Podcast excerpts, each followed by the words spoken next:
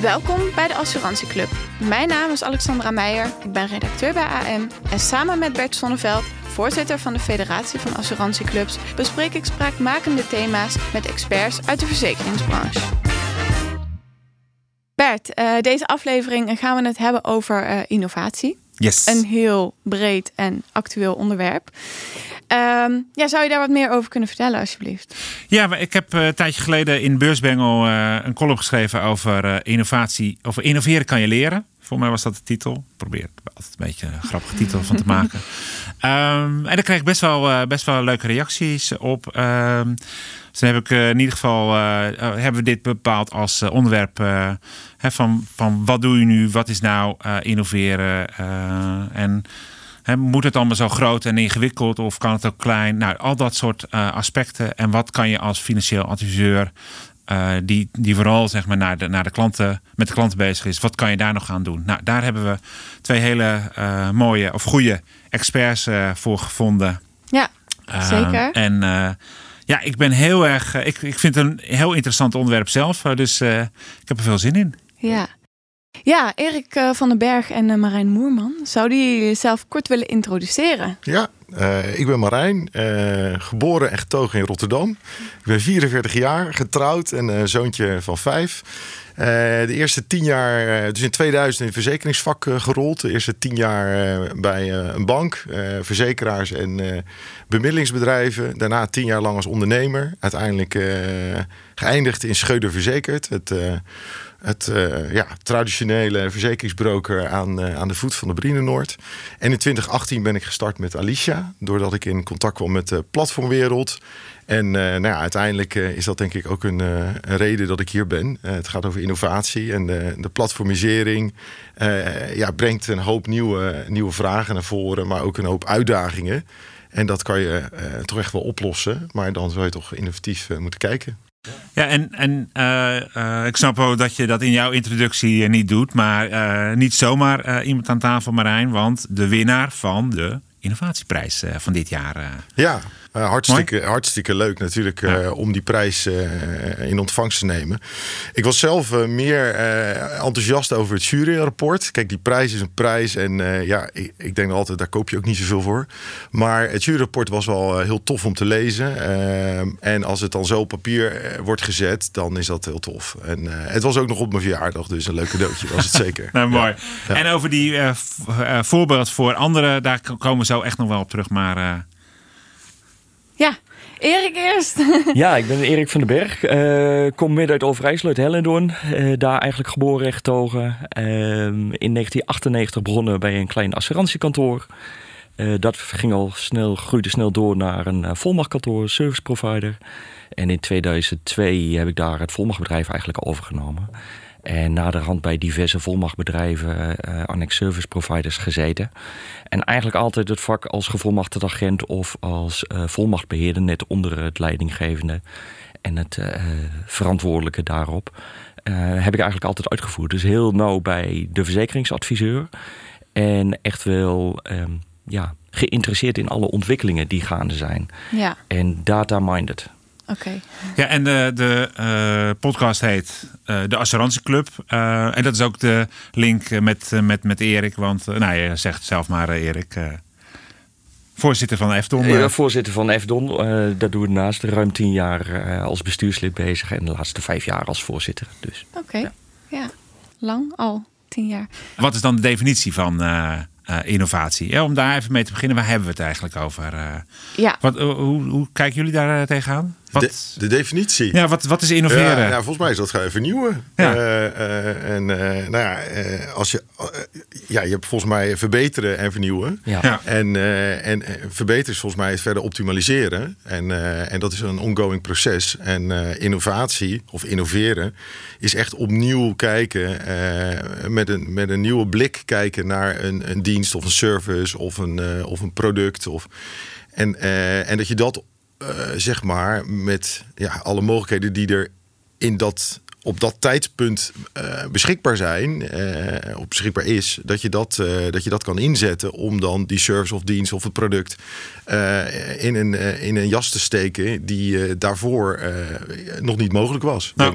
Nee, dat klopt. Ben ik helemaal met je eens. Maar het verbeteren hoort ook- ook- ook echt wel bij innoveren. Ehm, verbeteren maakt ehm, toch handelingen die je normaal breder uit elkaar ziet. Die ga je combineren en daar ga je super, effici- eh, eh, super efficiënt mee om. En dat onderdeel, ja, dat is toch, hoort toch echt bij innovatie, zou ik zeggen.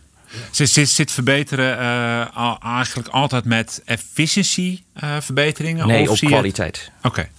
Nou, En vaak heb je met efficiëntieslagen dat de kwaliteit ja, eigenlijk ehm, een beetje terzijde wordt geschoven. Tenminste, dat is mijn ervaring een beetje. Ehm, terwijl je juist de kwaliteit kunt optimaliseren met die slagen. Alleen dat zijn meestal vervolgstappen die je gaat doen. Ja. Ja, ja en ik, ik herken ook wel dat je het eh, en en en kan doen. Hè? Dus eh, eh, in, in ons bedrijf heb ik dan vaak het voorbeeld van... Hè, in plaats van dat je dingen overtypt... ehm, laat je de klant zaken direct goed invullen... en verwerk je dat automatisch. Ja, dat, dan heb je het zowel de kwaliteit of de klantgerichtheid... als eh, kosten eh, heb je met, met, met één eh handel... Nou ja, het is iets ingewikkelder dan één handeling. Maar dan heb je met één oplossing heb je, heb je te pakken. Dus Ja, het is klopt. niet altijd die tegenstelling. Klopt, toch? alleen Ja. er zit ook een risico aan. Als je het automatiseert, als het niet goed gaat, hoe herken je dat het niet goed gaat? En wat is de omvang van de impact wat je dan hebt gerealiseerd? En kun je dat nog terughalen en kun je dat nog corrigeren? En dat is natuurlijk ook wel een stap die ja, in ons vakgebied best wel essentieel is. Ja, ja want, want uiteindelijk is dan ehm, innoveren, eh, of het dan vernieuwen of verbeteren is, eh, he- heeft eigenlijk altijd wel een IT-aspect. eh. is dat zo? Nou, Vraag, ja. vraag. Ja. Ja, ik zou zeggen van wel. ja, zou je zeggen van wel? Ja, ik zit erover na te denken op het moment, Ja. maar eh, eh, dat, eh, ik, ik- ik denk dat er echt ook wel ideeën, of dat, dat het niet altijd met, eh, met eh, techniek. In ons vak denk ik op dit moment wel. Ja. Eh, ja, eh, ja, ja, eh, ja. Maar, maar Als- waar- als- over innovatie dan, dan denk ik wel van, als we het even vergelijken met bijvoorbeeld eh, de, de, de videobanden, wat uiteindelijk Netflix wordt. Eh, dat je vroeger naar de videotheek ging om een film uit te zoeken. En eh, uiteindelijk eh, is dat allemaal eh, nu eh on demand beschikbaar. En dat, ja, als ik dan aan innovatie denk, denk ik echt aan zoiets. Ja. Eh, dat, je, dat je echt compleet een nieuw eh, concept eh, hebt eh, voor het, eigenlijk hetzelfde product.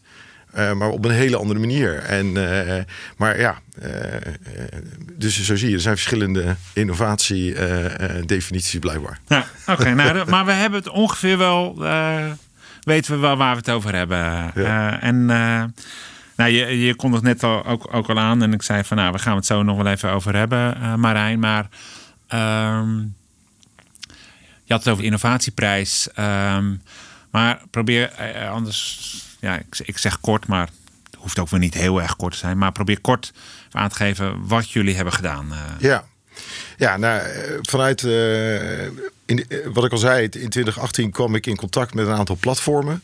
Ehm, ik werkte toen eh, met eh, Schreuder eh, gewoon in de normale praktijk. Hè. We deden volmacht inderdaad, ook service providing. Was zakelijk klant particulier, alles? Of- Ja, ja wij- onze focus lag wel echt in die zakelijke markt. Ja. Maar uiteindelijk zitten bij elk bedrijf wat 100 jaar bestaat ook gewoon particuliere klanten. Ja. En die bedienen we ook. En toen kwam ik in contact met, onze eerste platform, waar we dan uiteindelijk ook op live zijn gegaan, Temper. En die stelde zo'n andere vraag aan mij. eh, van nou, we, willen graag een verzekering voor onze eh eh, free flexers. Dat is eigenlijk een hippere naam van freelancer of, of, of in ieder geval zelfstandige.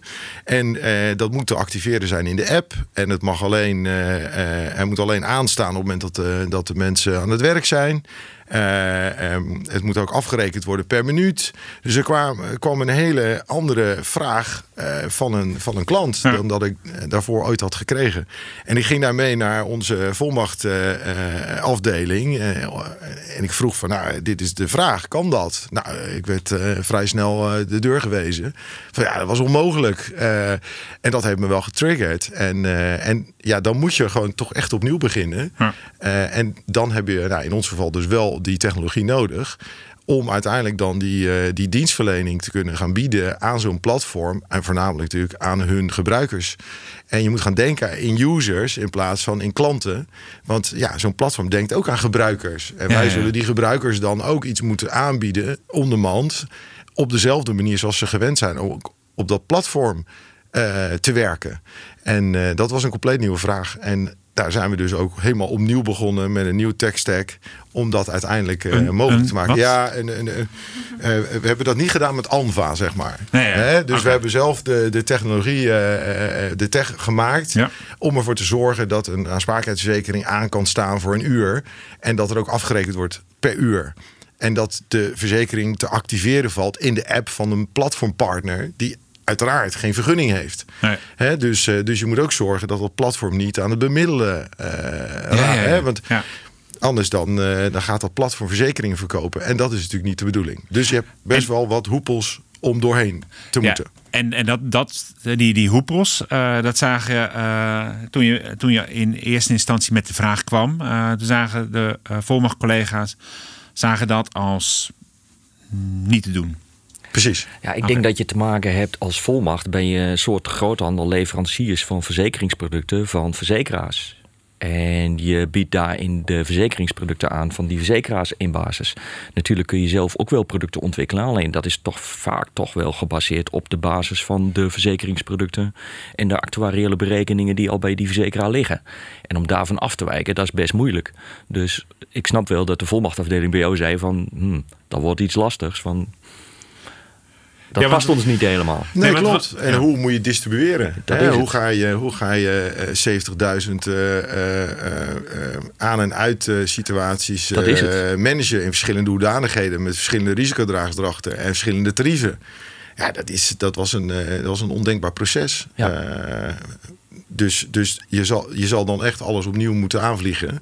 En het moet van voor tot achter in de keten digitaal zijn om het ook eh, te kunnen bekostigen. Maar als je dan van zegt van voor naar achteren in de keten, dan zullen Ja. dan even achteraan beginnen. Je bent een risicodrager nodig. Ja, Ehm, je bent dan kennis nodig om het te gaan ontwikkelen, om de markt te kennen, om vergunning te krijgen om het te mogen doen. ja.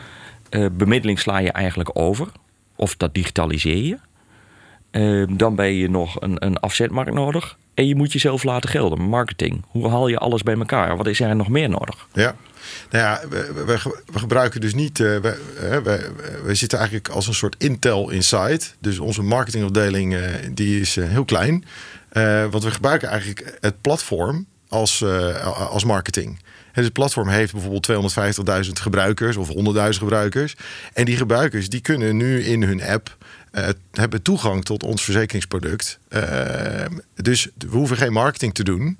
We branden, we co-branden onze, onze, eh, ja, onze aanvraagstraten. Zodat, je, zodat de klant zich thuis voelt. ook in het verzekeringsstuk binnen het platform. Dus dat is over marketing. En digitaal van voor tot achter. Ja, de polis is aan de voorkant digitaal. Dus eh, eh, die wordt digitaal gepakt.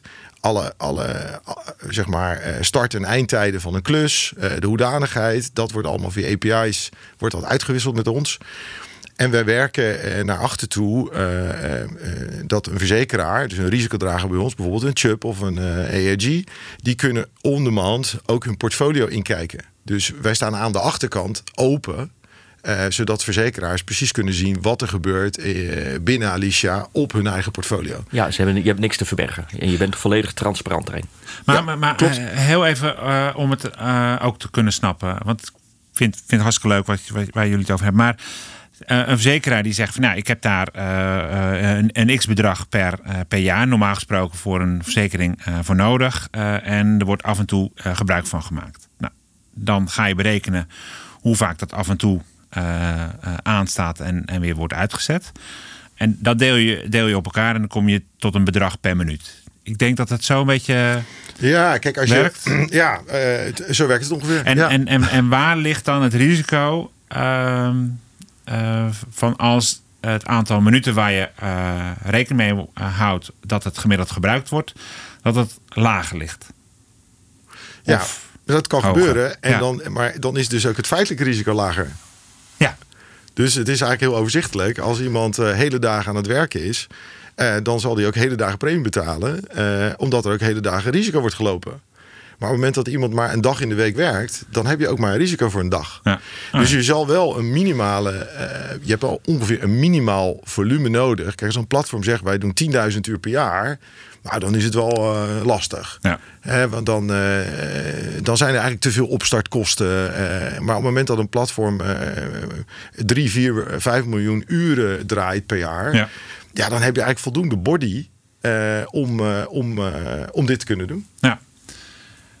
Oké, en eh, nou, hartstikke inter- interessant. Maar, maar hoe zit het dan bijvoorbeeld als, als hè, want je, eh, een gebruiker, een user, zoals je zegt, moet iets aanzetten en moet iets weer uitzetten. Ja, maar En het is niet aan en uit steeds. Oh. Dus wat we, hè, we, we zijn ook klassiek geschoold. Dus antiselectie zit ook eh, bij ons natuurlijk in ons hoofd. Dus wat we niet doen is dat iemand een klus bijvoorbeeld op een platform activeert. Eh, bijvoorbeeld, eh, je, je wordt bijvoorbeeld voor zes maanden gebiedsontwikkelaar eh, bij de gemeente. Ja. Dan zetten wij de polis voor je klaar. zodat je die gelijk kan activeren. Die dan ook precies aansluit op de compliance eisen van de opdrachtgever. Hè, de opdrachtgever zegt je moet minimaal eh, 2,5 miljoen polis hebben. En een opzichtdekking. Nou prima, die zetten wij precies klaar. En, en, en dan, en dan gaat de, de polis lopen. Oké. En, en ja, hoe, ja, hoef je daar, daarna, eh, als, als die polis dan stopt, dan stopt ook het risico. En, eh, en ja, hoef, Ja, andersom dan. Oh, Ja. ja, ja, ja, ja. Oh, oké, oké. Dus eh, nee, ik zat met eh, ehm, nou ja, kort, kortlopende klussen. Gebeurt ook, hè, Ja, ja. voor een dag. Maar wat, wat er, hè, als je dus een, een klus pakt voor een dag, dan is het dus, en bijvoorbeeld de ene keer in de bibliotheek en de andere keer in de horeca, dan is het niet zo dat je die van de bibliotheek kan uitzetten. En die in de horeca, bijvoorbeeld als, eh, als chef, dat je die aanzet. En dat willen we niet. Dus je sluit eigenlijk, als je het eh, afpelt, Ja. dan sluit je eigenlijk een raamovereenkomst op jezelf. Ja, Hè? Eh, En elke keer als je gaat lopen, activeert hij eigenlijk de polis. Dat is hoe het eigenlijk werkt. Dus het is niet dat je steeds opnieuw een polis afsluit voor dat ene klusje. Maar je sluit hem één keer af. Dan doen we ook de fischeck en de slotvragen. En duur moment dat je dan gaat werken, dan gaat hij automatisch aan. En dan kan je. En dan dus- maakt het niet uit welke klus je doet. Precies, want die klussen die hebben we allemaal geïnventariseerd en allemaal gepriced. Eh, dus op het moment dat je dan gaat werken, ontvangen we die data en dan gaat die polis vanzelf lopen. En wat we dus bewust niet wilden, is dat iemand zegt: Nou, ik ga nu acht uur in, eh, in, de, eh, in de bibliotheek werken. D- Nou, dan heb ik hem niet nodig, want daar zie ik geen enkel risico als klant. Maar als chef zie ik wel een risico, dus nou, dan zet ik hem dan wel aan. En dan krijg je natuurlijk wel antiselectie. ja. En, en, en, en betaal, betaal je dan voor die klus in de bibliotheek minder dan voor die Ja. klus in de horeca? Oké. Ja, ja, dus we hebben alle kluscategorieën, dus eigenlijk alle beroepen, alle Ja. hoedanigheden hebben we gewoon gepriced. Ja. En, eh, en eh, doordat we weten eh, in welke hoedanigheid je gaat werken, hebben we dan het juiste tarief en ook de juiste risicodrager. Want het is niet zo dat. als voorbeeld, ik, ik weet helemaal niet of dit waar is, maar als voorbeeld dat Chubb zegt: Ik wil een fietscourier. Ja, ja, ja. Eh, ja. terwijl, terwijl de vereende mogelijk zegt, nou, eh, dat zie ik wel zitten. Dus, dus, dus, dus het is ook van belang dat je dus de verschillende kluscategorieën dus priced, maar ook op de plek brengt waar, het als ri- waar de risicodrager eh, zegt dat hij de appetite heeft. Ja. En, en heb je dan aan de achterkant ook nog verschillende producten bij, per risicodrager? Of is het één product en de risicodrager tekent daar 100% op? Ehm, het zijn eh, ook nog losse producten. Ja, ja, ja. Dus het is niet een pool. Eh. Dus, dus hij, ehm, dat klopt. Dus wa- wat er gebeurt aan de voorkant, eh, als jij dus de raamovereenkomst op jezelf sluit, zitten daar eigenlijk al meerdere risicodragers achter. Ah. Maar allemaal individueel. Alleen hij activeert eigenlijk de juiste polis op het moment dat het van toepassing is. Ja, Ja, je zendt alles mee en op dat moment zeg je alleen, nou, dit is vanaf nu van toepassing. precies. Ja. En we rekenen dan ook af, 8 uur gewerkt is 8 keer, 8 keer 46 cent. En dat gaat dan in de payment flow mee. We bufferen dat, want je kan niet continu 20 cent naar je rekening overhalen. Want dan zou je in betalingskosten niet uitkomen. Uh, dus je buffert dat en dan op een gegeven moment, als er voldoende is, haal je dat, haal je dat over. Ja. En wat zijn als je terugkijkt van dat eerste idee waar je het net over had tot de huidige werking, waar de grootste, wat, wat de engste hoepels waren waar je doorheen moest? De engste hoepels? Nou ja, de meest uitdagende. Oh, de, de meest uitdagende hoepels. Ja, kijk, uh, de, uh, je, je zal altijd uh, compliance en legal, dat, dat, dat, dat, dat is nog geen eens zo moeilijk. Het kost veel geld. Ja, ja. Je hebt dus heel veel legal opinions nodig om ervoor te zorgen dat je niet iets aanraakt wat niet compliant is. Daar kan je gewoon geen concessies op doen. Nee. dus, dat, en, dus dat zijn altijd hoepels. Ja, ja. En dat zal voorlopig nog wel blijven. dus dat is continu zoeken. Maar het lastigste is natuurlijk die, eh, die verzekeraar overtuigen om als risicodrager hier achter te gaan staan. Want we hadden het net over modellen. Maar er zijn natuurlijk niet echt modellen. Nee. Uh, dus dat model moet je maken door te beginnen. Ja. En dan begin je en dan moet je wel zorgen dat je goed je kop erbij houdt. Uh, maar ja, je kan niet zeggen van zullen we eens terugkijken. Want het was er niet. Nee, maar ik vind wel leuk dat je, dat je deze zaken benoemt en niet zegt van IT is de uitdaging. Nee, de IT is bij ons niet de uitdaging. Uh, en dat, uh, nou, dat is natuurlijk alle lof voor Richard, uh, onze CTO.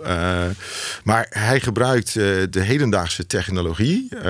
dus eigenlijk wat we gewend zijn in de e-commerce. En dat passen wij gewoon ook toe in, de, in, in Alicia. Dus het is niet zo dat we hele moeilijke kunstmatige intelligentie hebben. Dat is niet waar. Dus het is eigenlijk een samenspel tussen hedendaagse technologie, een verfrissende kijk op de volmacht ja. En, dus- verzekeringen. Dus, geen ja. VPI, tarivering, VPI-acceptatie. Dat is onmogelijk. Ja. En aan de andere kant, uh, uh, dus de technologie, het product. Ja, en dan toch ook wel focus. Hè? Dus op een bepaalde doelgroep. Want je kan niet alles tegelijk. En, dus ik denk dat dat de drie onderdelen zijn waardoor het succesvol loopt. En, en, en bijvoorbeeld om, om uh, de verzekeraars over uh, ja, door de hoepel te krijgen, om zelf ja. vergelijk maar even te gebruiken. Is dat dan, als er één is, dan volgen me meerdere? Of, of hoe, hmm. hoe? Of gewoon veel gesprekken voeren? Ja. En vertrouwen. Wel. Toch wel. En het is wel zo, of dat je, wat je wel merkt, is dat het in een, vanuit Amerika, dus Amerikaanse verzekeraars, die zijn in Amerika zelf verder. Ja, ja. En die zijn natuurlijk heel erg gericht op de gig economy, ja. platformisering, embedded insurance. Dat zijn allemaal onderdelen die daar echt ja, van nu zijn. Ja. Daar zet, zet, iedereen op in. Insurtech, hè, dat is natuurlijk ja. al sowieso een hype op het moment. Dus, dus, en dat waait dan over naar Europa. En je moet dus wel daar zoeken naar supporters en dat hebben we ook gedaan. Ja. Om ervoor te zorgen dat ze hier in de Benelux, zij noemen dat zelf de local team, dat die wel zeggen: Oh, oké, okay, ik krijg een mandaat of ik heb een commercial deck wat overkomt waar we ons op moeten richten de komende jaren. En daar past dit in. Ja. Want als dat niet gebeurt, ja, dan is het echt roep in de woestijn. Ja, oké, okay, mooi. Wat ik heel erg interessant vind, is bij jou is de link met, met innovatie natuurlijk vrij evident. Uh, voor een adviseur kan dat ook zo zijn. Uh, hoe ziet dat er voor jou uit, uh, Erik? Ja, ik denk dat het voor de adviseur wat lastiger is, want die zit echt in het adviestraject. En als je met name een klein intermediair bent, dan is het lastig om die slaag te maken, want de kosten voor innovatie zijn best hoog. Dus je moet een beste afzetmarkt hebben om dat terug te verdienen. En als je als kleine tussenpersoon daarmee bezig bent, dan is dat lastig. Maar je kunt wel op een andere manier innoveren op dat moment. Door te zeggen van ja, hoe kijk ik over vijf of tien jaar naar mijn business? En gebeurt het nog op dezelfde manier?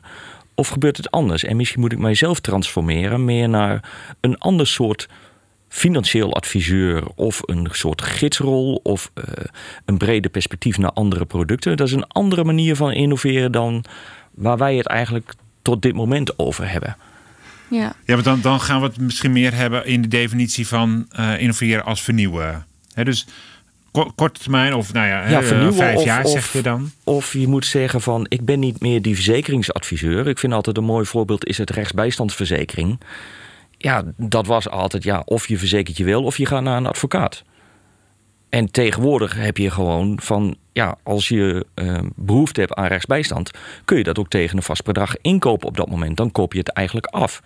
Ja, ben je dan nog die verzekering nodig? Dus ben je als verzekeringsadviseur, moet jij je nog wel als verzekeringsadviseur opstellen? Of ben je meer een gids die moet zeggen van nou, naast die verzekeringen heb ik ook nog, kun je ook eh, ja, tegen een fixed fee um, ja, rechtshulp inkopen. En kun je dat gaan doen? En ja, die mogelijkheden zijn er ook. Uh, waarom zou je daar geen gebruik van maken? Ja. En zo heb je op allerhande vlakken heb je ontwikkelingen. Ja, moet je niet, niet kijken van... oké, wat doe ik nou? Maar wat wil ik over vijf of tien jaar doen? En waar sta ik? En wat verandert er allemaal? Want ik denk wel dat het... Het particuliere advies kun je al volledig automatiseren. Dat ging ik zeggen, inderdaad. Van echt, echt tussenpersonen die, die bemiddelen eigenlijk. Ja, vooral in particuliere verzekeringen is, behoort dat waarschijnlijk over een aantal jaar tot de verleden tijd. Ik denk dat er altijd wel behoefte blijft door een groep klanten, of die uh, door het online niet het overzicht heeft of niet het vertrouwen heeft. Uh, dat die toch graag met een persoon in gesprek gaan. Die zullen blijven. Alleen die doelgroep zal steeds minder worden. Want mensen onder de 30 jaar. Uh, die komen eigenlijk bijna niet meer bij een assurantieadviseur die gaan doen alles online met hun telefoon. En anders is het te lastig. En het moet ook 24-7 moet het beschikbaar zijn. Want je gaat niet tijdens kantoortijden wat doen. Daar ben je eh, iets anders aan het doen. Maakt niet uit wat, maar daar ben je daar zeker niet mee bezig. Nee. nee, maar dat kan best overweldigend zijn, denk ik, als adviseur. Dat je, hey, je kijkt naar de toekomst en je denkt, er gaat veel veranderen. Help, wat moet ik doen? Ja, en dat is met name, uh, spreek ook met je collega's. Dus zorg voor dat je gaat netwerken en dat je daar ook over spreekt met anderen. En, en dat doe je natuurlijk bij de assurantieclub. Maar dat is dat, is, dat, dat is wel een voorbeeld. Want je kent daar de mensen, ze komen bij je uit de regio, je spreekt dezelfde taal, je hebt vaak dezelfde type klanten of je, je zoekt mensen op ehm, die met dezelfde of tegen dezelfde problemen aanlopen in de praktijk en dan ga je over sparren. En zo kun je ook sparren over uh, ontwikkelingen of hoe je ziet of met samenwerkingen met um, collega-ondernemers uit je dorp of uit je stad ja, zo ga je wel. Dat is ook een vorm van innoveren natuurlijk. Eh, processen samenvoegen of op een andere manier je klanten bedienen. Ja. Met waar ze behoefte aan hebben. Dus een klantpanel instellen of je klanten vragen: hey, wat zou je graag willen of waar heb je behoefte aan? Ja, dat is natuurlijk ook een manier om daarmee te beginnen. Ja. Ja, want, want Erik, wat je net uh, met het voorbeeld van rechtsbijstand, uh, hoe je daarmee om zou kunnen gaan. Uh, zou, je, zou je dat willen omschrijven als uh, risicomanager voor je, voor je klant? Hè? Dus weten welke risico's wil je nemen? Uh, wil ik het verzekeren? Wil ik het op het moment dat het zich voordoet uh, afkopen? Of wil ik het gewoon naar een advocaat gaan? Of... Nou, het is meer risicobewustwording en welke opties zijn er op dit moment? Want de meeste Nederlanders weten niet dat die mogelijkheid er ook is. En daar heb je natuurlijk wel een toegevoegde waarde als, als ehm, ja, financieel gids of financieel adviseur. Om daar vraagbaar in te zijn. En hetzelfde geldt bijvoorbeeld voor subsidieaanvragen. De meeste mensen weten van heel veel subsidies niet af. Nee. Ja, daar kun je ook in, in, in ontwikkelen. En ja, dat is dan niet echt innoveren, maar je gaat een andere kant op met je bedrijf. En iedereen zal dat voor zijn of haar bedrijf. Uh, op een andere manier doen, wat dicht bij de adviseur zelf ligt als persoon. Ja, waar heb ik mijn toegevoegde waarde, mijn raakvlakken en waar kan ik extra mee van dienst zijn? Ja. En dan, en dan is, is een vraag die we ook in de voorbereiding uh, met elkaar even over, over hebben gehad. Hè? Waar, waar begin je dan hè? Bij, dat, bij dat vernieuwen? En als je kijkt naar de toekomst, hè? begin je dan bij de klant en de klantbehoeften? Begin je bij je eigen proces of begin je... Dat, dat kan verschillend zijn. Uh, bij Alicia was de vraag van de markt er eigenlijk... omdat het product niet werd aangeboden. Of wat ze wilden, dat het niet werd aangeboden. Dus dat is één. Twee is, uh, je wilt een bepaalde specifieke doelgroep bedienen. Dat is eigenlijk ook wat je met Alicia doet. Um, een ander deel kan zijn een klantbehoefte. Ja. Maar het kan ook zijn dat je zegt van... nou, ik wil mijn eigen bedrijf de waarde voor de toekomst ook veilig stellen. En uh, zeg je, ja, de huidige markt verandert. Dus ik moet mee veranderen. En dat kan ook een visie zijn. En ja, dat, dat kan dan ook een inkomstenstroom zijn, bijvoorbeeld. Dat je daar anders naar gaat kijken. En, en begin je dan om na te denken over je verdienmodel? Is dat dan dat je denkt van nou ja, ik, ik, ik heb het nu op deze manier via uh, provisie of uh, abonnent? Ik, ik denk dat dat op een later moment komt. Oké. Ehm, dat je eerst eh, moet bepalen van wie wil ik zijn, wat wil ik doen of wat is mijn doel. En daarnaast komt pas uh, het verdienmodel, denk ik. Alleen het verdienmodel, die moet er wel zijn die kun je niet vergeten. Ook niet vanaf de eerste stap eigenlijk. Ja, ja. want er, ja, er zijn dus de bedrijven of insurtech zoals uh, Alicia. Um, nou, volgens mij zit zelfs Amazon ook uh, in de verzekeringen. Ja. Uh, nou ja, noem het maar op. is dat iets waar je bang voor bent als adviseur? Dat dat je werk gaat overnemen? In basis ja. want ze kunnen morgen gewoon op de markt komen. Ze hebben zoveel mankracht en financiële middelen. Ehm, dat ze zich alles kunnen veroorloven wat ze willen. Um, alleen is dit wat ze willen. Alleen ja, als ze het wel willen, dan is het wel meteen een bedreiging voor je advies.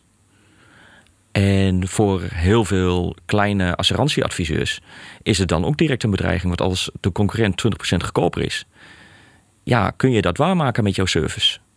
Dus ook daarvoor is het wel direct een concurrentie en zul je wel mee moeten ontwikkelen. Um, alleen dat is een eigen keus. Ja. Om ja. waardebestendig te zijn voor de toekomst of, of je klantenkring te houden, zul je wel uh, moeten nadenken wie jij wilt zijn in de toekomst en hoe je dat wilt gaan doen. En als je stil zit, ja, stilstand is achteruitgang, zou ik zeggen.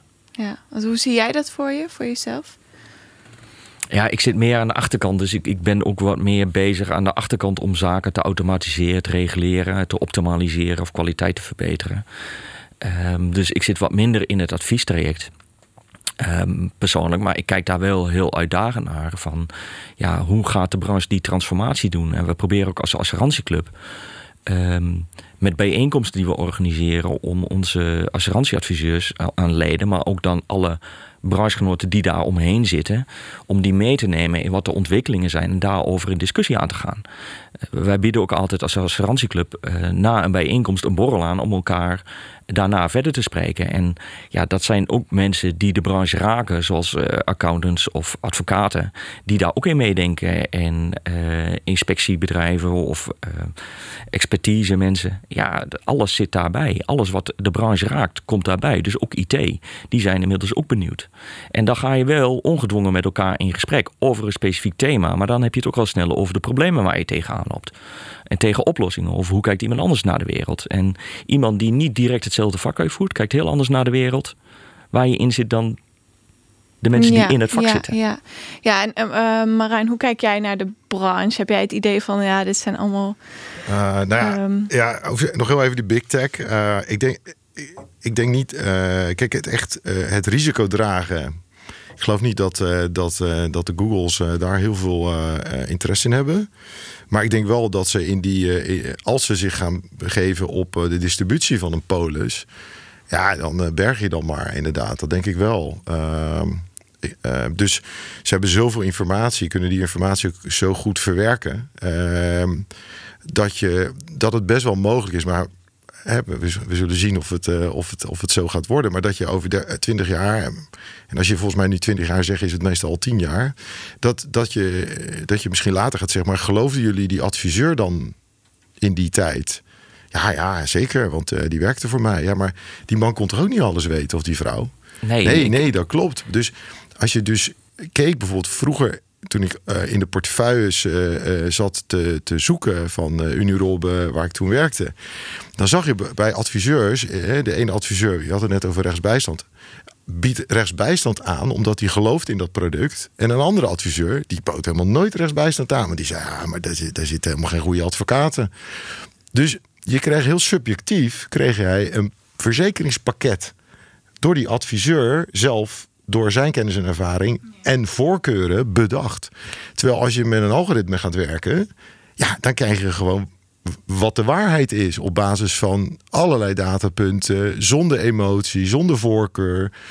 En ik denk in die end dat je dan uh, inderdaad een. En dat wordt dan ook nog zo gepresenteerd en wordt nog zo gemakkelijk in, uh, uh, te accepteren. Je, activeert eigenlijk je zekerheidspakket voor nou ja, jouzelf. Dus dan heb je de Marijn Moerman, als ik even door mezelf, eigen polis. Wat Google weet waar ik woon, Google weet wat ik rij, Google je weet telefoon alles. weet alles van je. En dan krijg je dus een objectief pakket aangeboden op basis van de best practice. En uh, ja, dus ik denk als ze komen, ja, dan zal het op die distributie wel een spannend verhaal worden, denk ik. Ja, en dan uh, wil ik daar ook nog wel een, een, een tegenluid in laten horen. Uh, ook vanuit de eerdere podcast hebben we gehoord van, en dat hoor ik ook wel uh, van Erik. Van weet wel wat jouw rol dan is in dat geweld, in dat distributiegeweld. En weet wel dat er een aantal momenten zijn in, in, het, in, in, je leven. Hè, als er echt belangrijke gebeurtenissen staan. Of dat je gewoon af en toe eens wil, wil weten van ja, hoe sta ik ervoor? Dat het ook wel fijn is om met een uh, mens uh, die kan luisteren, die kan doorvragen, die uh, jouw behoeften door vraagstelling boven tafel kan krijgen. en hoe je daarmee om, om, om moet gaan. Ja, maar dan raak je... je al meteen de kern van de assurantieadviseur. In het traditionele model verkocht hij alleen verzekeringen. Of adviseerde die alleen verzekeringen. En dat verandert naar mijn mening echt wel. Want je bent meer een soort gids. En dat betekent ook dat je beloning dus ook anders zal zijn. Want als jij alleen uh, als vraagbaak uh, wordt gekozen... en niet op het moment van het afsluiten van de verzekeringen... ja, dan, dan ben je een soort uh, ja, adviseur geworden... Met, maar dan wel uh, tegen het tarief per uur. Ja. En, en dan zit je wel in een ander model al direct. Ja. Ja, want, want, want, want zonder dat heb je niet de. Je hebt niet meer je basisinkomsten van je portefeuille. Ja. ja. Eens. De, zo denk ik ook. Ja, en de, ja de, je moet gewoon een duidelijke keuze maken van uh, wat, wat ga ik doen. Ja. Bert, wil je een korte samenvatting geven? Ja, um, ja wat, ik, wat, ik, wat, ik, wat ik mooi vind is... Hè, waar, waar, waar begin je met uh, innoveren en um, zorg dat je... Uh, weet waar je geliefd bent, waar je heel erg goed in bent. En of het nou te maken heeft met IT of technologie, of je huidige proces of je verdienmodel. Belangrijk is om te weten wat de klantbehoefte is en daarin te kiezen. En vanuit die keuze terug te werken van en wat is daarvoor nodig. en heel bewust ook de keuze te maken van wat ga ik daarin zelf doen. Eh, en doe alleen maar dan zelf waar je eh, in excelleert, waar je echt heel erg goed in bent. En probeer voor zaken waar je minder goed in bent, probeer daar samenwerking te vinden. Of met bedrijven, of met technologie, of, of, of, of, wat dan ook. Ik denk dat. Um, en, da en, daarin hebben we natuurlijk in deze podcast-serie heel vaak over.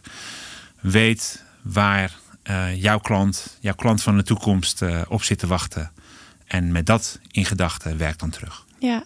Mooi gezegd, inderdaad. Ja, uh, Marijn en uh, Erik, ik wil jullie hartelijk danken uh, voor jullie bijdrage aan deze podcast. En voor de luisteraars, mochten jullie nog ja, vragen of opmerkingen hebben, dan horen we dat uiteraard graag. Wellicht nou ja, ook aan deze heren. Ehm, en dan zou ik zeggen, tot de volgende keer weer. Dankjewel. Dankjewel. Tot de volgende keer. Dag. Bedankt voor het luisteren naar de Assurantieclub. Heb je tips, suggesties of vragen? Stuur deze dan door naar redactie.amweb.nl of voorzitter.assurantieclubs.nl. Tot de volgende keer!